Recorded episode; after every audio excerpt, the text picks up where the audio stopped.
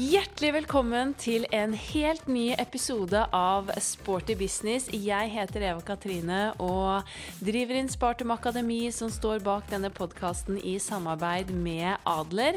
Og som alltid så gleder jeg meg til å dele en ny episode med deg. Og i dag så er tema senterdrift, og ikke minst hvordan gå frem for å faktisk starte et treningssenter, og så lykkes med driften etter hvert.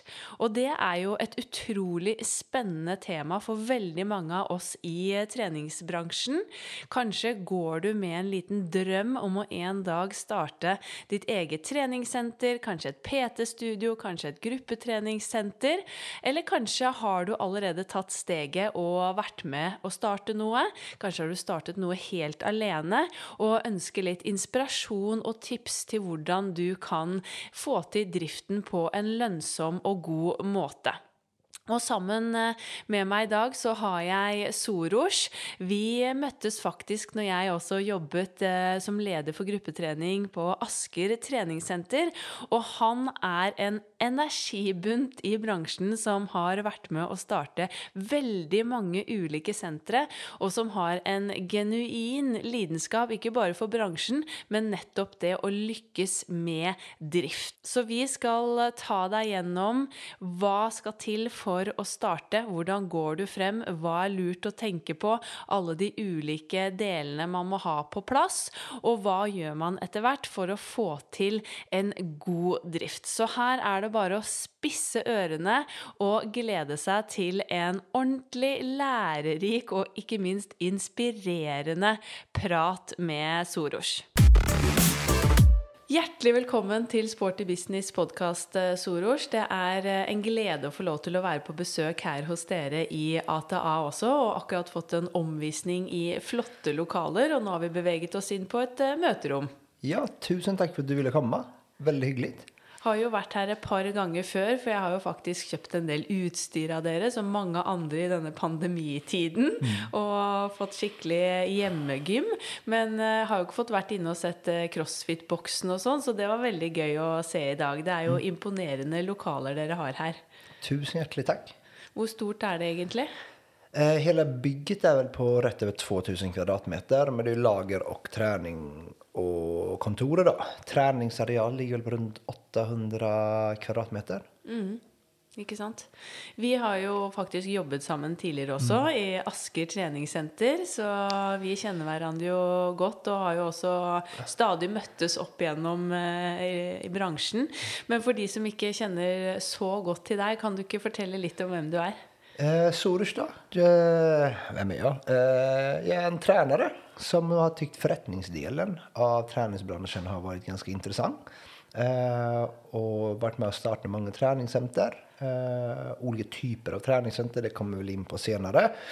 Och så fick jag vara med på resan på ATA då fått med, vara med och starta det år. Eh, min primära bakgrund är jag har ju jobbat mycket på golvet med folk eh, och varit träningsprodukten då. Mm. Haft allt av gruppetimmar förutom dans, eh, koordinationsdelen. Jobbat mycket med att utveckla tränare och utdanna tränare via AFPT. Så väl primärt ja, Jeg har gjort det meste i treningsbransjen. Ikke sant? Mm. Men jeg klarte ikke å lure deg med på dansetimen på Asker heller. Det gjorde du ikke. Jeg, missade, jeg var veldig inaktiv når jeg var barn. Så jag missade de motoriska guldåldrarna med 7 och 12. Eh, så koordination och motorik är något jag fortfarande jobbar på. Ja, så jeg har fortsatt den til gode. Yes. Men for de som ikke vet hva ATA er, kan du ikke også gi en sånn uh, kort forklaring om uh, hva det egentlig er, og hva disse bokstavene står for? Du, Bokstavene står for Asker treningsakademi. For ATA startet under Asker treningssentertiden. Og det begynte med at jeg begynte å bygge kurs, og folk ville opptatt av sertifikat og lisenser. Eller ikke lisenser, men diplom. Mm. Og da måtte vi sette noe på det diplomet. Eh, og da kaller vi det Asker treningsakademi istedenfor treningssenter. Mm. Og så kom ATA til. da. Og så min partner Robin eh, begynte å bruke det når vi begynte importere utstyr. For vi åpnet et nytt senter i stort sett hvert år når vi drev Asker treningssenter. Og så begynte jeg å jobbe på AFPT, og da kan man inte driva två, jobba med två olika utbildningsinstanser. Så då la vi ner allt som hade med utandning att göra för ATA. Så därför kör en Asker träningsakademi. Så idag är det ATA träningsutstyr. Ja, så det vi gör primärt är säljer träningsutstyr. Eh, vi har fyra kundgrupper. Vi har bedrifter, eh, vi har hemmamarknadet, vi har crossfit-boxar och vi har kommersiella center vi jobbar Ja. mot. Mm. Men var det tilfeldig at du selv havnet i treningsbransjen, eller eh, hadde du et mål om det tidlig? Null. Eh, det var faktiskt min partner Robin. Jag brukar dra med honom på träning när vi träffades på Ikea. Ja. För där vi lärde känna varandra. Och då anbefallde det guttegänget då. Med att jag borde bli PT för jag drog alltid med alla på träning, gav tillbakameldingar. Jag hade inga planer på det överhuvudtaget. Och så fick jag, så flyttade alla härifrån, då var det bara jag igen. Och då fick jag väldigt mycket tid. Eh, Och jag har alltid haft över medelsenergi. Så då tänkte jag att jag kan gå en PT-studie för att lära mig mer om kroppen själv då kommer till första studiedagen och då har vi 11 timmars anatomi. Ja. Och jag tänkte, vad har jag gett mig in på? eh, spola fram ett år, eller mindre, åtta månader senare så är jag fullbokad PT på Alexia. Ja. Och har dubbla jobb då, för då jobbar jag fulltid på Ikea också. Eh, för när jag kom in i träningsbranschen så kände jag alltså att det här är vad jag vill göra.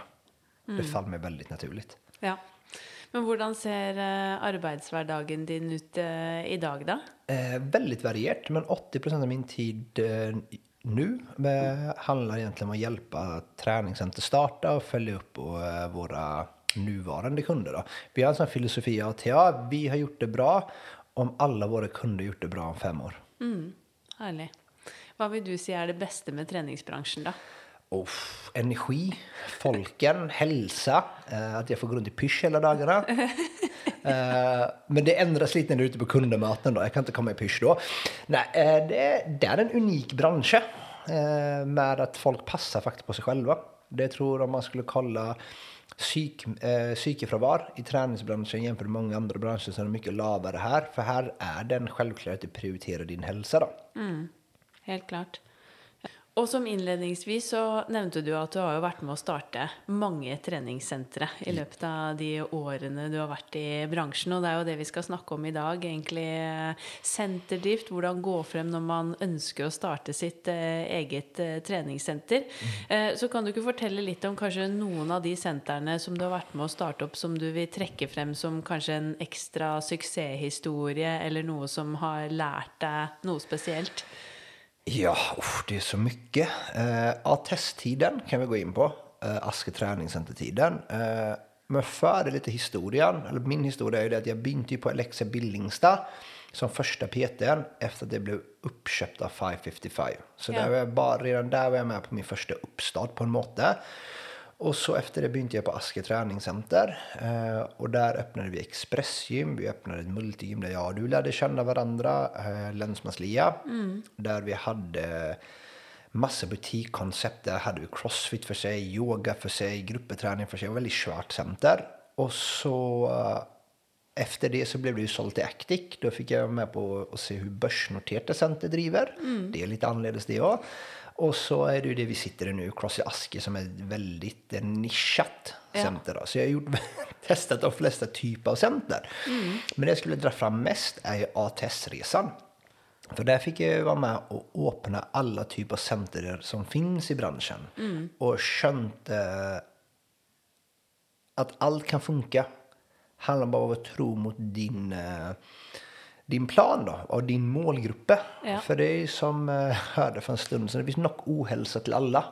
Och alla liker inte att träna samma sak. Exempelvis, jag varit väldigt glad i Crossfit, det är ingen hemlighet. Och jag trodde ju att när vi öppnar Länsmanslia med 3000 medlemmar så kommer ju alla vilja träna Crossfit. Varför vill du inte det? 170 personer av 3000. Det betyder en väldigt liten procent som liker det då. Eh, och det fick mig förstå typ alla liker inte att träna samma sak. Om något är mer optimalt så är det plats för de flesta koncepten så länge du tror mot det då. Gav det mening? Ja, absolutt. Helt klart. Nei, jeg husker faktisk eh, Jeg tror min første møte med CrossFit var jo på eh, Asker med. For da Det husker husker vi jeg. hadde Jeg og Katrine gjør ting hun ikke kan-dagen. Yes. Så jo var første runde med deg, det. Ja, men du likte det? Ja, absolutt. Du syntes det var skikkelig gøy? Ja, det var det. Og det syns jeg fortsatt. Det er bare tiden som ikke helt strekker til når man har lyst til å gjøre ti millioner andre ting også. Den følelsen vet jeg altfor godt om. ja, ikke sant? Men for de som kanskje sitter med en eh, drøm om å starte eget eh, senter, eller for de som kanskje allerede er i startfasen, hvor er det man begynner? For det kan jo virke kanskje ganske veldig, eller sånn overveldende eh, å sette i gang og ta steg og faktisk starte et eget senter. Ja, det är en del att tänka på. Det första jag skulle säga är bruk folk som har gjort det. Eh, Det kommer att spara både resurser och pengar. Eh, När du tar kontakt med en utstyrsleverantör så är det många som har erfaring från uppstart. Ställ mycket spörsmål, var nykärrig. Eh, För det finns så många fallgruvor. Inte, inte nödvändigtvis fallgruvorna kommer vara få dig att misslyckas. Men fallgruvor som kommer se till att det tar längre tid att komma till mål. Då. Så det finns många tips. Vi hade ju Leif Nilsen som har, jag vet inte hur många hundra center han har startat i sitt liv, eh, som har lärt oss väldigt mycket. Då. Så det första jag hade gjort är att finna folk som du kan ställa spörsmål till. Ja. Eh, sen har jag funnit ut varför du vill göra det och vad du vill att det ska vara för dig. För är det någonting jag ser fälles med träningscenter som gör det bra, de är tro mot måten de gör ting på. För det är så här, folk följer folk, det är psykologi. Eh, om du lyckas vara tydlig i din kommunikation, vad det är för typ av människor du vill ha på ditt center, så kommer du förmodligen lyckas. Och då kommer du ha lojala medlemmar. Eh, och det tror jag du, man har gott av att bruka lite tid på. Det gäller ansatta också, vilket kommer du tillträcka dig. Eh, de träningscenter jag ser som gör det bäst, som jag har jobbat med, är de som har satt oss i ett rum och haft en värdiprat, gjort ett värdiarbete. Där man har grävt eh, i vilka värderingar man har och vad de värderingarna betyder. För eh, Säg exempelvis eh, välkomnande. För mig och dig kan det betyda två olika saker. Att man har de här samtalen, ganska tuffa samtalen. Men när man definierar vad orden betyder för en och man kommunicerar det tydligt till både ansatta, leverantörer och kunder. Det kommer göra ditt liv så mycket lättare. Ja, helt klart.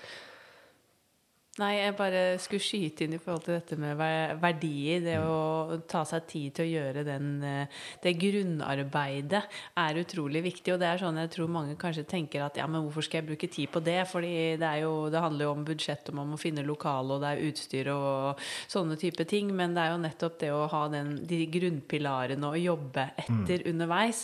Og det blir en så tydelig, klar profil både gjennom det visuelle, hva du kommuniserer i sosiale medier, gjennom markedsføring, hvis man har en klar tanke og strategi for hva slags senter ønsker man å være, og som du sier, hvilke verdier er det som er viktig.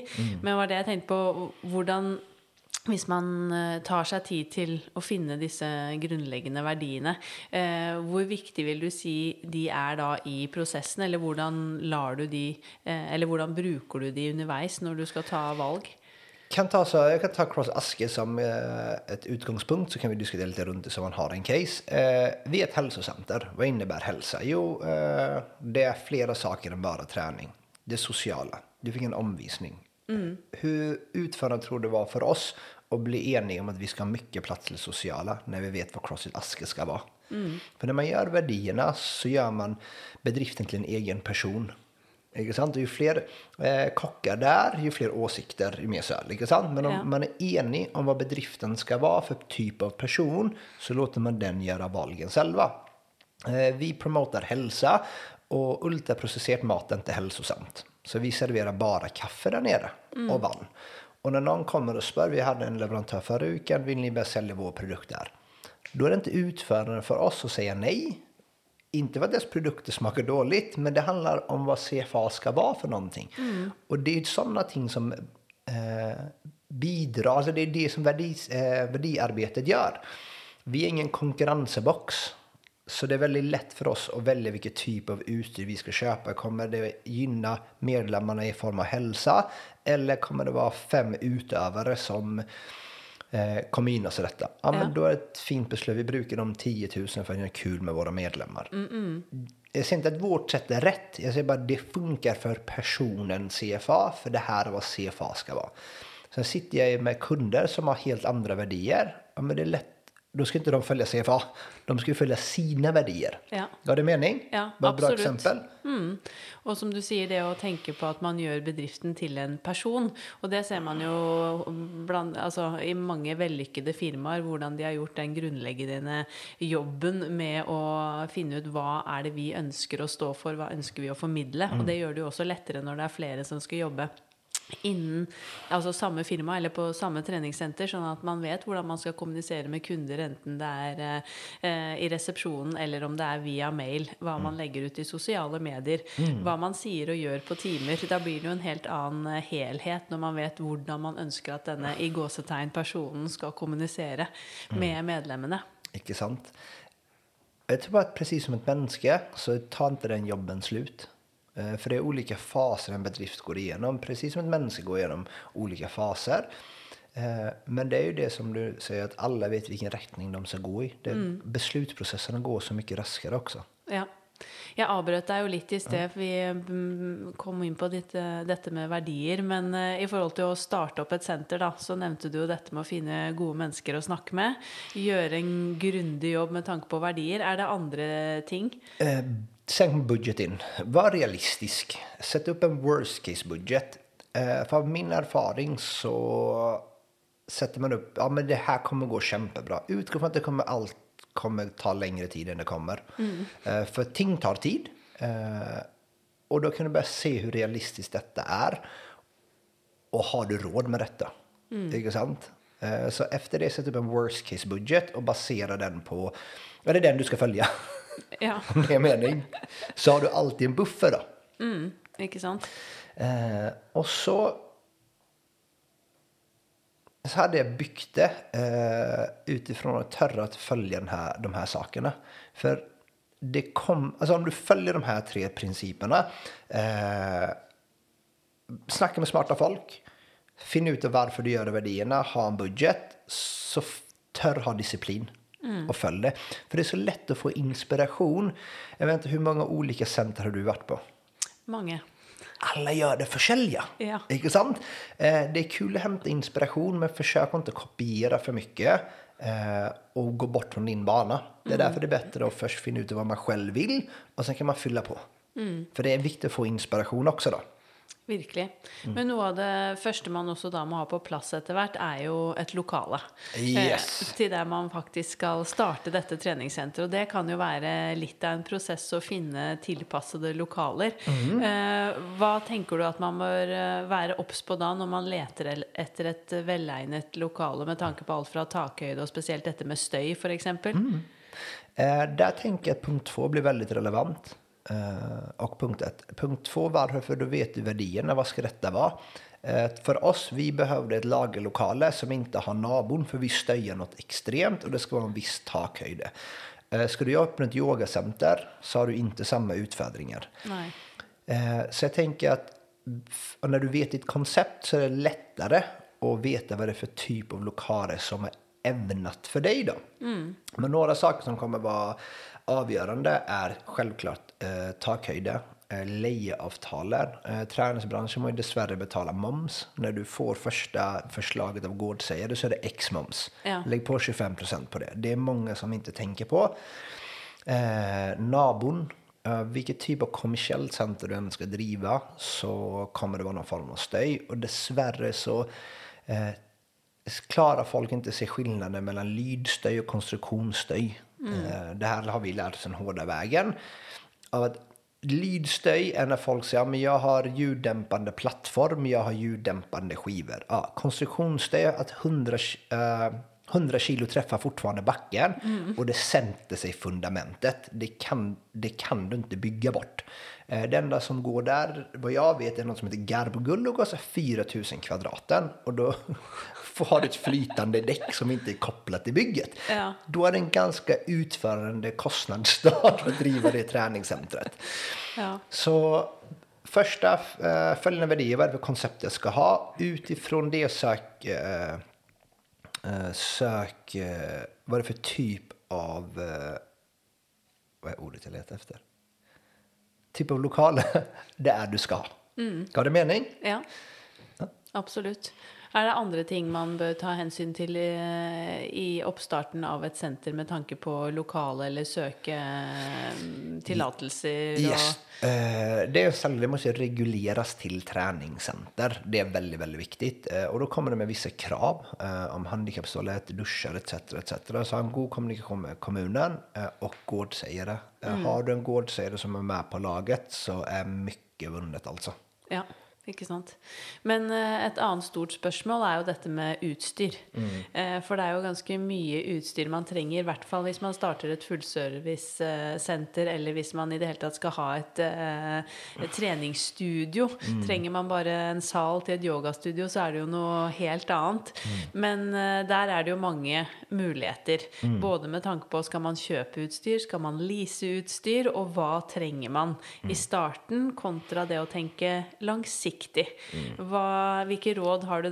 Uff, massa. Eh, det första är om du har dimensionerat ett center, säger vi räcker med 12 000 medlemmar, du kommer inte öppna med 1000 medlemmar. Om du inte är Evo och har eh, så stark marknadsföringskraft. Inte sant? Så du behöver inte köpa utstyr som ska dimensionera för 1000 människor. Eh, vad säger din budget? Ja, men första tre månaderna ska vi dimensionera att vi ska få in 300 medlemmar. Ja, men köp utstyr för 300 medlemmar då. Och sen bygg på när din ekonomi ser bättre ut. Och sen tycker medlemmarna det är väldigt göj att vara med på den resan. Är det mening? Ja. Eh, och sen, det är ett lyxusproblem att du måste beställa mer utstyr. Så börja inte med att överdimensionera. Men typ vissa saker kommer du inte bort ifrån från start. Du måste lägga gulv. Ja. Inte sant? Du kan inte fylla på med gulv. Eh, eh, typ riggen. Men väkter, manuella apparater är väldigt dyrt. Möller är väldigt dyrt. Eh, så kör, börja inte med 10 möller. Kanske börja med fyra. Så dimensionera utifrån din budget. Därför jag säger alla de här processerna borde komma för vi pratar vad det är för typ av utstyr vi ska ha och hur mycket. Nästa var leasing. Eh, leasing är ju ett lån.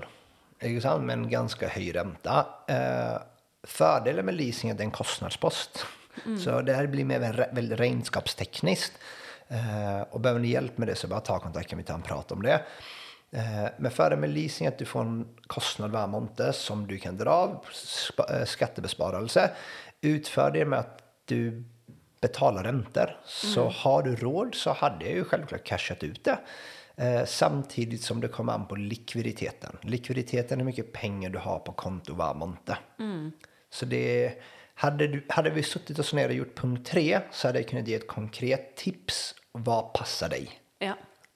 Ger det mening? Ja. Ja. Så du vil Det er ikke noe klart råd med tanke på å kjøpe versus leasing. Eh, det kommer an på senteret og hvilket utgangspunkt man har. Ja, utfördelen med leasing som jag upplever är att folk ser det som ett kreditkort. Sant? Ja, men jag, jag behöver inte betala allt nu. Nej, men det är fortfarande dina pengar. Om du tar en leasingpacke på 5 miljoner och du betalar eh, säg 10 procent ränta, det är en halv miljon. Ja, men det är en halv miljon av dina pengar fortfarande. Så om du hade kunnat ta leasingpackningen för två och ett halvt och sen byggt på med eh, cashflowen du får, alltså intäkterna kommer, du har råd att köpa mer, så har du sparat ihop 250 000 på fem år kanske. Som är dina pengar, men ta dem, för, ta de pengarna och åk på en fin ferie med din familj. För Ja. du har förmodligen jobbat många timmar. Ga det mening? Ja, ja. Helt klart. Men, og jeg tenker det er et veldig godt tips det å, som du sier, å huske å dimensjonere for hvor mange medlemmer ser du for deg i starten. For jeg tror jo kanskje mange, og i hvert fall litt sånn i mitt eget hode, at skal man starte noe, så tenker du at åh, jeg skal ha alt dette på plass, og man ser for seg hvordan det perfekte resultatet skal være, og så er det det man tar utgangspunkt i i startfasen, men at man heller bør eh, adde på etter hvert. Men har du noe, du som har jobbet såpass mye med utstyr også, hva tenker du, har du och tankar om hur ofta man eventuellt liksom bör skifta ut utstyr? Eh, hur viktig är utstyr för medlemmen i det hela? tatt? Vi kan börja med eh, sista spörsmålet först. Hur viktigt det är. Det som är viktigt med medlemmar i huset funkar. Det är det viktiga. Så har du dimensionerat för eh, ett center som ska ha 3000 medlemmar så kanske jag hade kollat på de leverantörer som kostar. Oftast har pris och eh, kvalitet en stark korrelation. Eh, då kan du behöva lite dyrare utstyr, för det kommer inte gå i stycken lika rätt. Men har du ett center som ska ha 400 medlemmar så behöver du inte ha ett utstyr som är dimensionerat för 3000. Mm. Ger det mening? För kunden bryr sig inte vad som står på, märk- på, uh, på utstyret. Mm. Det, de som bryr sig är de nördarna som väljer att öppna träningscenter, oss. Ja. Det här har jag lärt mig den hårda vägen. Uh, majoriteten av medlemmar vet inte. Men det de är upptagna att det funkar. Uh, så det är det jag tänkt på. Och det andra spörsmålet var hur ofta borde du byta? Se till att utstyret alltid fungerar. Det är vad du borde fokusera Fungerar inte, byt ut det direkt. Mm. Inte sant? Eh, vedlikehåll är viktigt. För det är när folk... Hur man glömmer bort det är ju en kundupplevelse. Kundens upplevelse av din produkt är varje gång de kommer in från dörren. Eh, det finns inte något mer frustrerande än att komma och så är det sån i ustand-lapp och den lappen blir hängande uke efter uke. Inte sant? Och då måste du kolla liksom på din vardag. Vad är det jag gör som fjärnar mig från kundupplevelsen? Mm. För det är ju produkten till syvende och sist. Kunden öppnade dörren, den kom in, den gick ut. Där är det kundupplevelsen. Eh, och det är typ sa någon hej till mig, fungerade allt smärtfritt, eh, var det nog utstyr, alla de här tingen. Och sen liker ju folk spänning och lite variation. Så jag skulle vilja säga att du borde göra något med ditt center vart halvår. Men det behöver inte vara att köpa in utse för en halv miljon. Det kan vara måla en vägg. Mm. Visa människorna runt dig eller dina medlemmar att du bryr dig om faciliteterna. Eh, för det visar eh, indirekt att du bryr dig om dem. Mm. Så det kan vara så simpelt. Möblera om, måla en vägg. Det behöver inte vara så komplext då. Men det kommer till specifikt utstyr, se till att allt funkar. Mm. Ja, och jag tror ju som du har varit inne på det, att det är ju inte utstyret som eh, avgörande för om du kommer till att lyckas i uppstarten. Eh, det är ju de mänskliga relationerna. Mm. Hur viktigt vill du säga det? Eh, 100 procent. Om du inte har valt ett butik eller ett expressgym eh, så är det mest avgörande. Det här mm. kan vi göra, du bägge har väldigt stor lidenskap för detta. Uh, och vi kan då ha goda vetenskapliga argument till hur kroppen funkar och män mänskligt funkar. Varför det är så avgörande, speciellt när vi ska börja kalla oss en hälsoaktör. Mm. Ja. Men i förhållande till eh, expressgym, då, mm. hur viktigt är utstyret där från starten? Uh, det är ganska viktigt. Det må hålla. Mm. Inte sant? Du är inte där lika ofta själv. Uh, och där får du inte där får du inte lika många möjligheter med kunden. Inte sant? När du bygger det vi kallar rapport uh, eller uh, brand elasticity, alltså typ folk tål mycket, du har råd att göra många fel. Expressgymmen har inte råd att göra lika mycket fel, mm. så de må lägga sig på en kanske lite hö högre nivå när det gäller kvaliteten för att kunden inte ska vara en dålig upplevelse. Ja. Så på ett expressgym så ville du eh, investert mer i eh, utstyr och den delen än för exempel ett fullsortimentscenter från start, eller? Ja, det kanske jag hade gjort. Mm, ikke sant. Men när man har detta begynt i processen och mm. begynner å liksom få ting till att falla på plats, mm. så är det en viktig del eh, för att fylle dette senteret, at man faktisk gjør en god eh, salgs- og markedsføringsjobb også før man åpner dørene. Yes. Har du noen gode tips for hvordan man går frem i denne oppstartsfasen, altså før man i det hele tatt har startet åpnet dørene? Ja, eh, det første med å kolla på sitt verdiarbeid mm. och se vad det är för målgrupp jag har. Ikke sant? Och utifrån det så lägger man en liten marknadsplan. Hur når vi ut till dem? Ikke sant? Det är väldigt stor skillnad när vi tar ytterpunkter. Eh, att du har en crossfit-box med 150 medlemmar. Eh, den, din bästa marknadsföring är dina kunder. Mm. Ikke sant? Eh, versus du har ett center med 3000 medlemmar. För då är beliggenhet mycket viktigare. Och då må du kanske, eller då må du marknadsföra i mycket större grad. Mm. Så då må du eh, vara synlig i närmiljött på en helt annan måte versus ja. om du ska öppna en crossfit-box. Mm. Har du mening? Ja. Och det är också något jag tänker på när du letar lokaler. Återigen, vad är mitt koncept? Eh, folk som går på ett butikkoncept kör gärna längre och betalar gärna mer för de vill ha en specifik produkt. Versus om jag ska ha ett expressgym där är beliggenhet mycket mer avgörande. Mm. Återigen, om man gör punkt två så är mycket gjort alltså. Ja. Har du någon eh, tips för eh, vad man kan göra som rent eh, fysiskt för att fånga uppmärksamheten runt detta center och få folk att å melde seg inn du öppnar? Eh, vis produktet. Sant? Var ute. Eh, utområden, Ha aktiviteter på sommaren. Eh, involvera dig i närmiljön.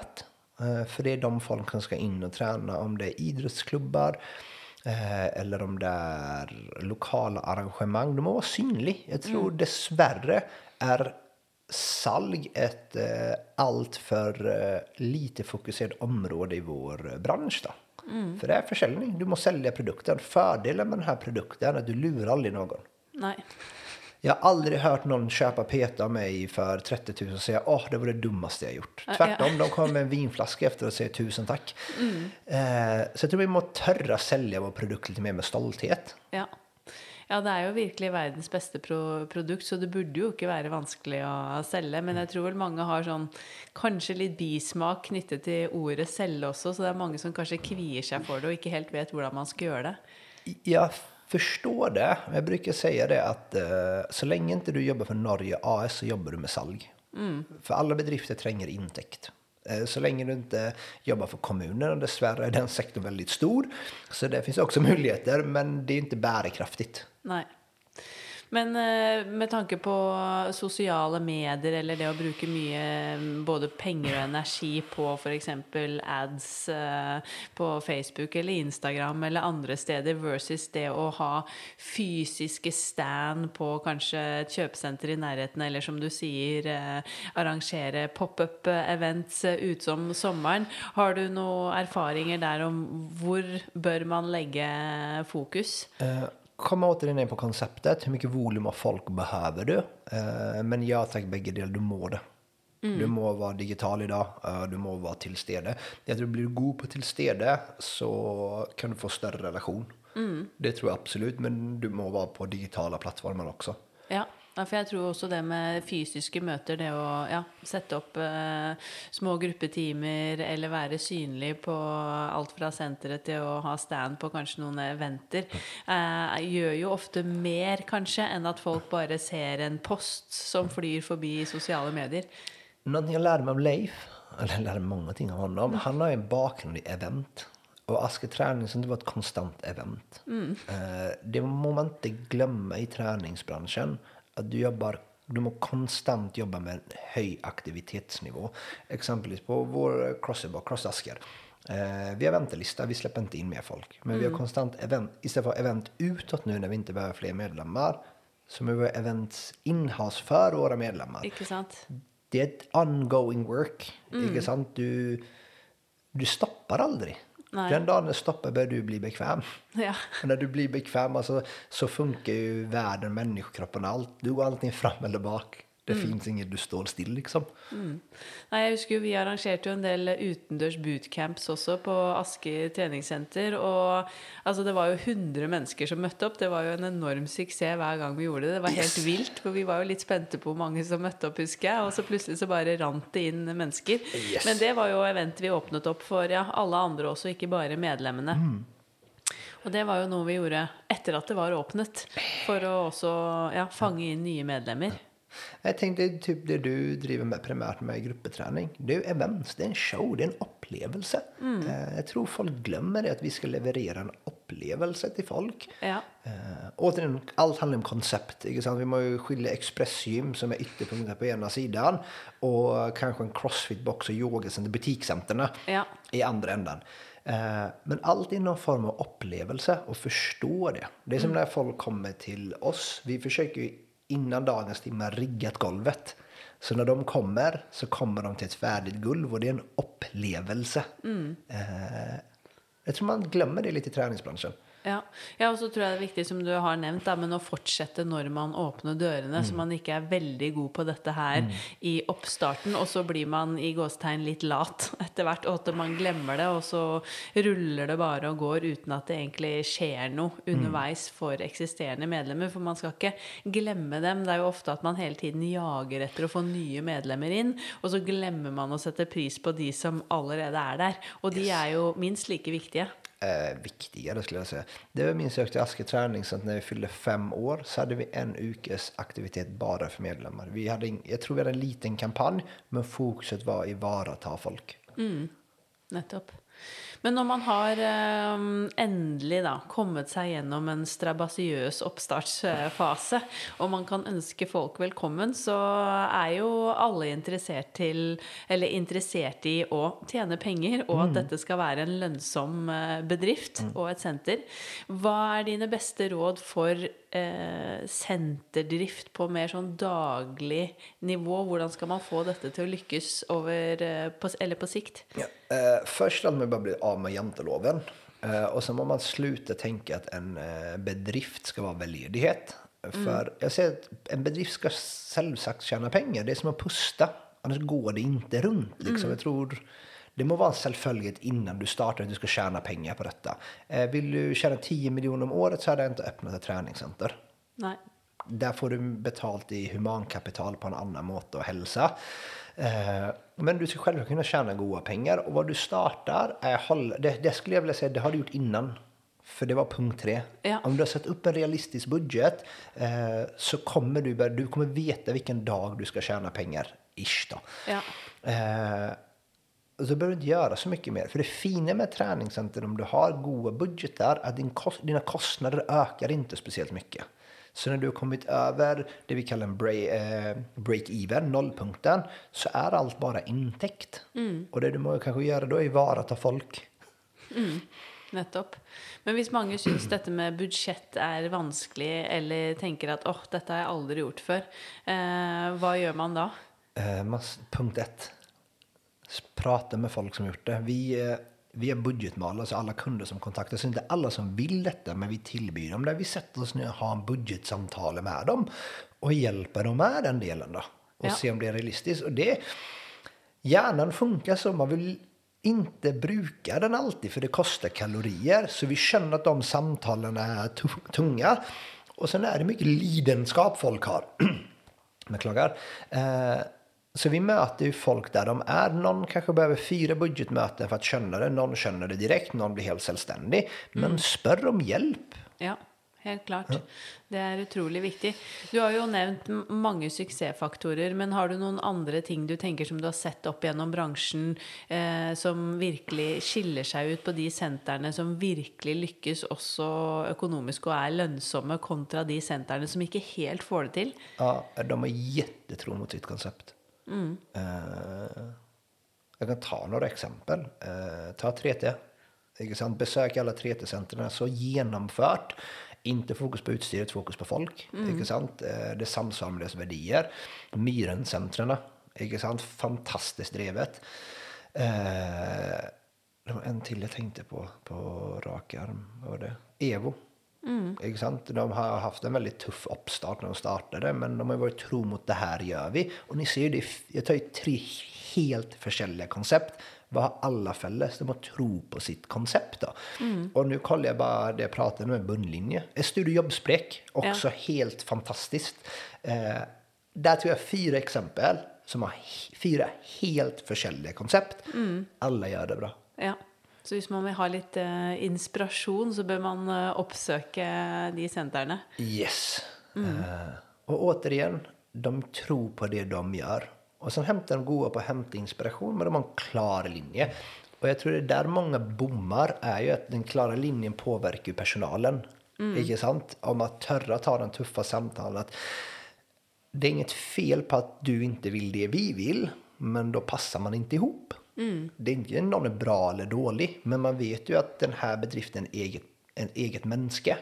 Och precis som eh, kärleksrelationer så passar man inte med alla. Det är inte att den ena är bra eller dålig, det är bara en dålig match. Ja, helt klart. Mm. Eh, Men hva tenker du sånn generelt i treningsbransjen, da? Hva er våre største utfordringer eh, per nå, og hvor har vi størst utvik utviklingspotensial i tiden fremover? Oh, det är mycket. Eh, det är när vi börjar kalla en spade för en spade. Eh, och vad är det för produkt vi levererar? Eh, pratar vi hälsa så må vi diskutera våra hälsoparametrar. Och där är inte träning allt. Ska vi vara en hälsoaktör må vi vara ydmyka nog till att förstå att vi klarar inte att leverera hela hälsan. Träning är jättebra, kosthåll är en viktig del, sömn är en viktig del. Eh, till förstå människan är en levande organism och det är många faktorer. Och förstå att kroppen är, eller människan är en levande organism och det är många faktorer. Eh, och ha självinsikt själva i vad är det för del av träning jag levererar. Inte sant? Är det hälsa? Är det muskelväxt? Är det kondition? Eh, för allt behöver nödvändigtvis inte vara hälsa. Det är en del av hälsa. Det tror jag är den största utmaningen vi har. Att vi börjar definiera hälsa först innan vi alla säger att vi jobbar med hälsa. Ja. Ga det mening? Mm. Ja, nei, vi har jo, Jeg har sagt det utallige ganger i denne podden tidligere at vi har jo kommet en lang vei fra bare ti år tilbake i tid. Men det er fortsatt sånn at vi har et eh, omdømmeproblem, og at det er mange som tror at det foregår ja, veldig kanskje andre ting da innenfor våre fire vegger enn det vi faktisk tilbyr i dag. Og at vi sliter med å få folk til å se hele tilbudet vårt og også forstå forskjellen på sentrene. ikke sant? Forskjellen på et ekspressgym kontra et fullsortimentsenter som virkelig satser på mennesker og som har alt fra senior til barseltimer, kontra et crossfit-senter som er enten konkurransepreget eller sånn som dere her, som satser på familier. Altså, det er jo et så enormt stort spekter nå, så egentlig så mener jeg jo at alle burde klare å finne en plass hvor de kunne trives i treningsbransjen, men vi sliter jo med å få folk, føler jeg, til å forstå at det er faktisk rom for alle.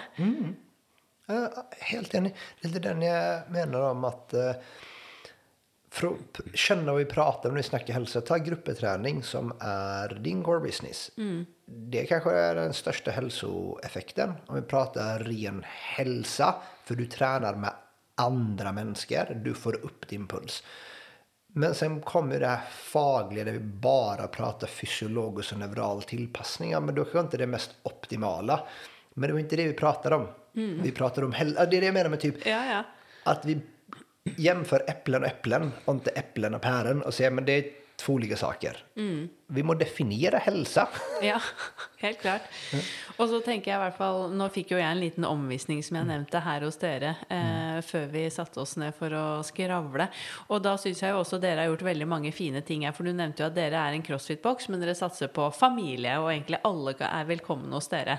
Og nede i resepsjonen så hadde dere store bord og god plass, i, og i tillegg, som du nevnte, et lite bibliotek med bøker. Og dere har tilgang eh, til barnepass, men også at eh, ungdommene kan eh, spille PlayStation. Og at de faktisk kommer hit etter skolen, sitter og gjør lekser, kanskje spiller litt, og så trener.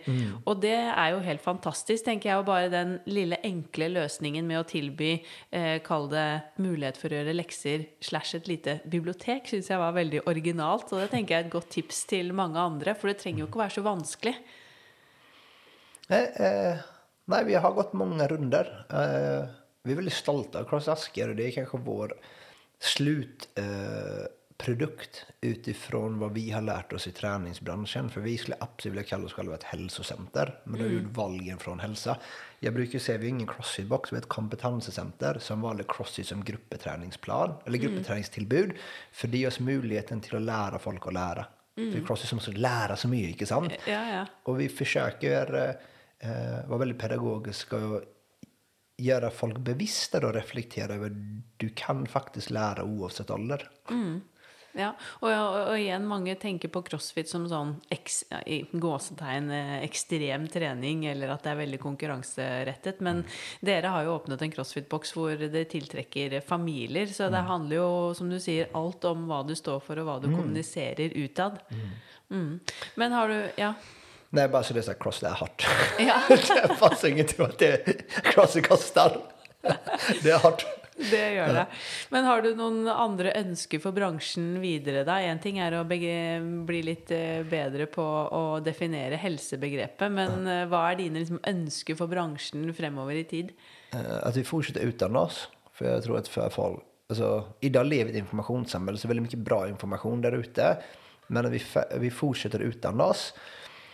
Eh, så var det en sak till jag tänkte på. Ja, att vi be the change you want to see in the world. Alltså börja med dig själv. Definiera vad hälsa för dig själv och se om du eftersträvar det. För vi människor kopierar mer än vad folk tror. När du får barn så känner du verkligen det. Eh, så dina medlemmar kommer göra det du gör. Ja. Mm. Ikke sant? Så hela branschen må ta ett uppgör med sig själv. Är jag hälsosam? Vad serverar jag i min reception om jag, eh, om jag eh, representerar hälsa? Ja. Där är faktiskt Tommy Lande en väldigt stor inspiration för mig. Han har tagit många tuffa standpunkter som har inspirerat mig väldigt. Eh, till att törra göra det, för det är skummelt. Ja. Du går emot, eh, man går emot väldigt mycket som kanske är eh, accepterat i branschen och väldigt hipp. Ja. Eh, men är det det vi ska vara? Ska vi vara trendsättare eller ska vi faktiskt bry oss om folk? Ja. folks bästa? Om det är mening? Ja, og det er jo det jeg tror er litt problemet, for vi blir for snevre og for eh, Ja, bransjen blir bare for oss som er ekstra interessert, da. Mm. Og så blir vi ekskluderende for veldig mange andre. Men Jag, tro... Ja. jag satt faktiskt i en bastu i Trondheim och sen överhör jag två män prata och han ena sa att han hade träningscenterskräck. ja. Och jag bara, okej, det här blir intressant att sitta och höra in på. Och då ser han att ja, han har gått på träningscenter. Han sa det till den tränaren att eh, jag har träningscenterskräck. Jag vill att du gör ett program till mig. Eh, där jag kan göra ett, en hörna där jag inte syns för jag tycker det är väldigt skumt att komma hit. Jag tänkte först, wow, har du sagt detta till en tränare? Ja. Tusen tack! Inte sant? Bara vi får den information, du tör vara så sårbar. Och det han fick göra som jag känt av övelsen han beskrev var burpees och boxjumps. Så han bara, det kändes som alla såg på mig. Jag kommer aldrig mer sätta foten i ett träningscenter. Uff. Wow, då har vi bommat. Det här är en dålig historia. Det finns hundra bra också. Ja. Men man tänker lite över det. Någonting jag har tänkt mer på som tränare sista åren. Jag bryr mig inte vad du gör. Innan var jag sånt, typ, du må lära dig en knäböj, du må lära dig marklyft, det här är mina progressionskurvor. Ja, ja. Nu är jag bara så att hur får jag det att komma in igen? Mm. Allt du gör är fantastiskt bra, Ja. även om det kanske inte är fagligt optimalt. Men jag vet ju om du får en god association hit och du dyker upp nästa tio åren så är jag all tid i världen. Mm. Ja. Så jag behöver inte stressa detta. Hur får jag det bara att tycka ah, det här var bra? Mm. Gav det mening? Ja. ja, nei, det tror jeg er helt eh, avgjørende, for eh, vi sliter jo med å få folk inn dørene fortsatt. Vi vil jo gjerne nå ut til enda flere. Och svårt att behålla dem. Ja, for det er så mange som eh, ja, får bli støttemedlemmer altfor alt for lenge, dessverre. Og det bare ender med det. Men tror du en bedre definisjon av helsebegrepet, at vi må bli flinkere til å fronte det i bransjen, er litt løsningen på problemet? Eller har du noen andre tanker om hva man kunne gjort rundt omkring for å faktisk få folk inn dørene? Törra jobba med salg, för det är salg. Eh, men jag tror att hälsobegreppet inte är sexy nog för folk. Det, jag tror vi må jobba in-house med det, eh, så vi får eh, så att läkare får en bättre association till oss. Inte sant? Alltså vi fagligt sett jobbar med att definiera vad hälsa är för oss, men jag tror det funkar väldigt dåligt i marknadsföring alltså. Ja, det var det. Eh, Men husk att marknadsföring är salg. Vi hade en sån sak en period, vi hade en sex uker challenge som funkade helt sykt bra. Ett amerikanskt koncept som chockade oss för många som hoppade på då. Vi fick typ hundra stycken som signade upp typ på två dagar. Alltså vi fick en chock. Ja. Hva slags challenge var det? Eh, typ eh, six week, eh, new you six weeks. Någonting Ja. sånt. Och vi bommade svårt första gången. För det folk tänkte var ju att det här var en bootcamp där du ska rasa i vikt. Så folk var missnöjda efter sex veckor för vi kommer in med typ det här är livsstilsändring etc. etc, etc Ja, ja. sant? Andra gången gjorde vi det mycket bättre. Varför? För vi, vi lockade, eller den här kampanjen lockade in dem. Men vi var väldigt tydliga i förväntningarna när de kom. Ja. Inte sant? För det handlar om en förväntningsavklaring och då blev det en succé efter det. Ja, men det här är en sex veckors start. Ja. Det här må du göra resten av ditt liv. Och då silar du ut de som bara, nej, nej, det här är ingenting för mig. Jag ska komma ut med livsform på sex veckor. Ja. Alltså, ditt livsform, ger du mig tio år ska jag ge dig en helt ny, hel, alltså en helt ny kropp. Ja, ja. Men det sker inte över dagen. Nei. Men jag tror det är att törra sälja. En annan som jag tror är relevant, törra ta betalt. Mm. Jag tror, men du måste skapa vär, värdi. Värdin må ha en korrelation med det du tar betalt. Eh, inte bara höj priset och säg vi har världens bästa anlägg. För om inte folk brukar anlägget, det är inte värt något. Inte sant? Tusen kronor för ett medlemskap är ingenting om du brukar det tio gånger i veckan och du märker resultater. Det är Ja. 100 kronor per gång. 1000 kronor är väldigt mycket om du kommer in och du blir förvirrad för det är så mycket stash överallt, du får en dålig födelse och sen går du ut en gång i veckan. Så det handlar ju också om att sätta, klara att skapa värde för någon, tør ta betalt. Ja. ja, det er jo også en eh, stor diskusjon i bransjen, dette med å ta betalt. Og det også hadde jo hjulpet å differensiere litt mellom sentrene. Ja, vi tar 1400 kronor medlemskapet för 12 månader bindning. Våra medlemmar tycker nog det är värt det för vi har väntelista nu. Ja.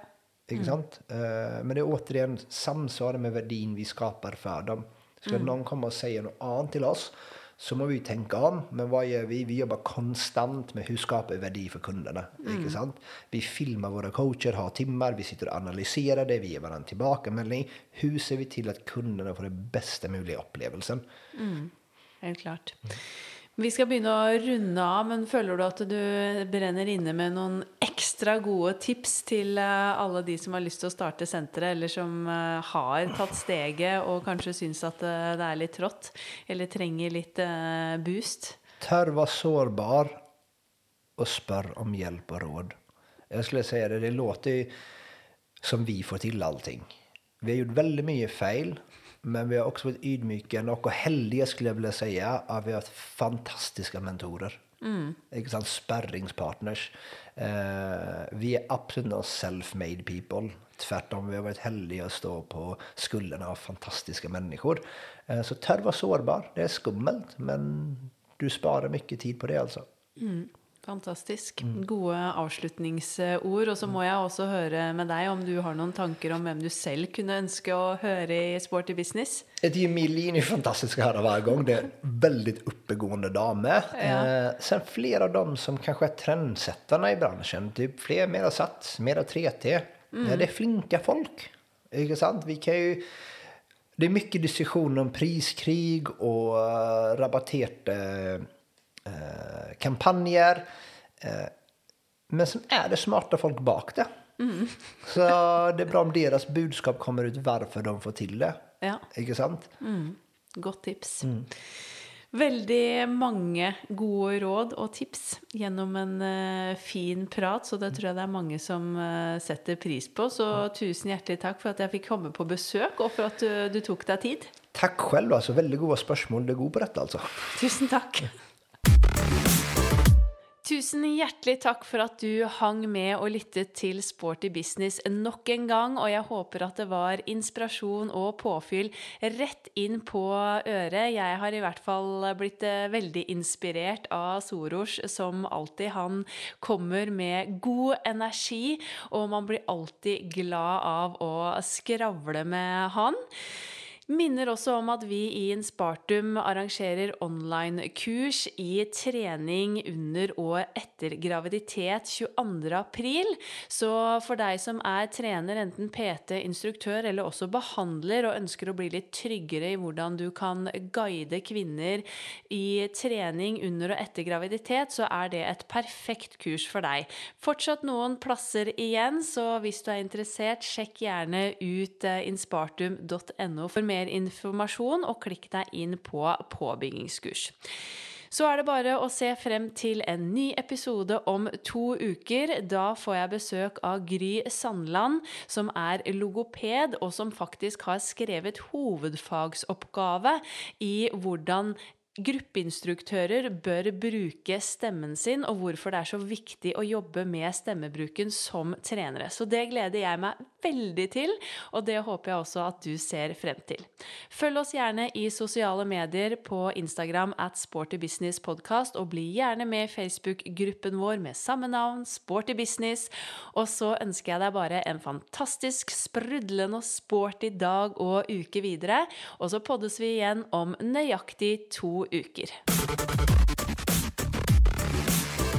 Denne podkasten produseres av Inspartum Akademi og Adler.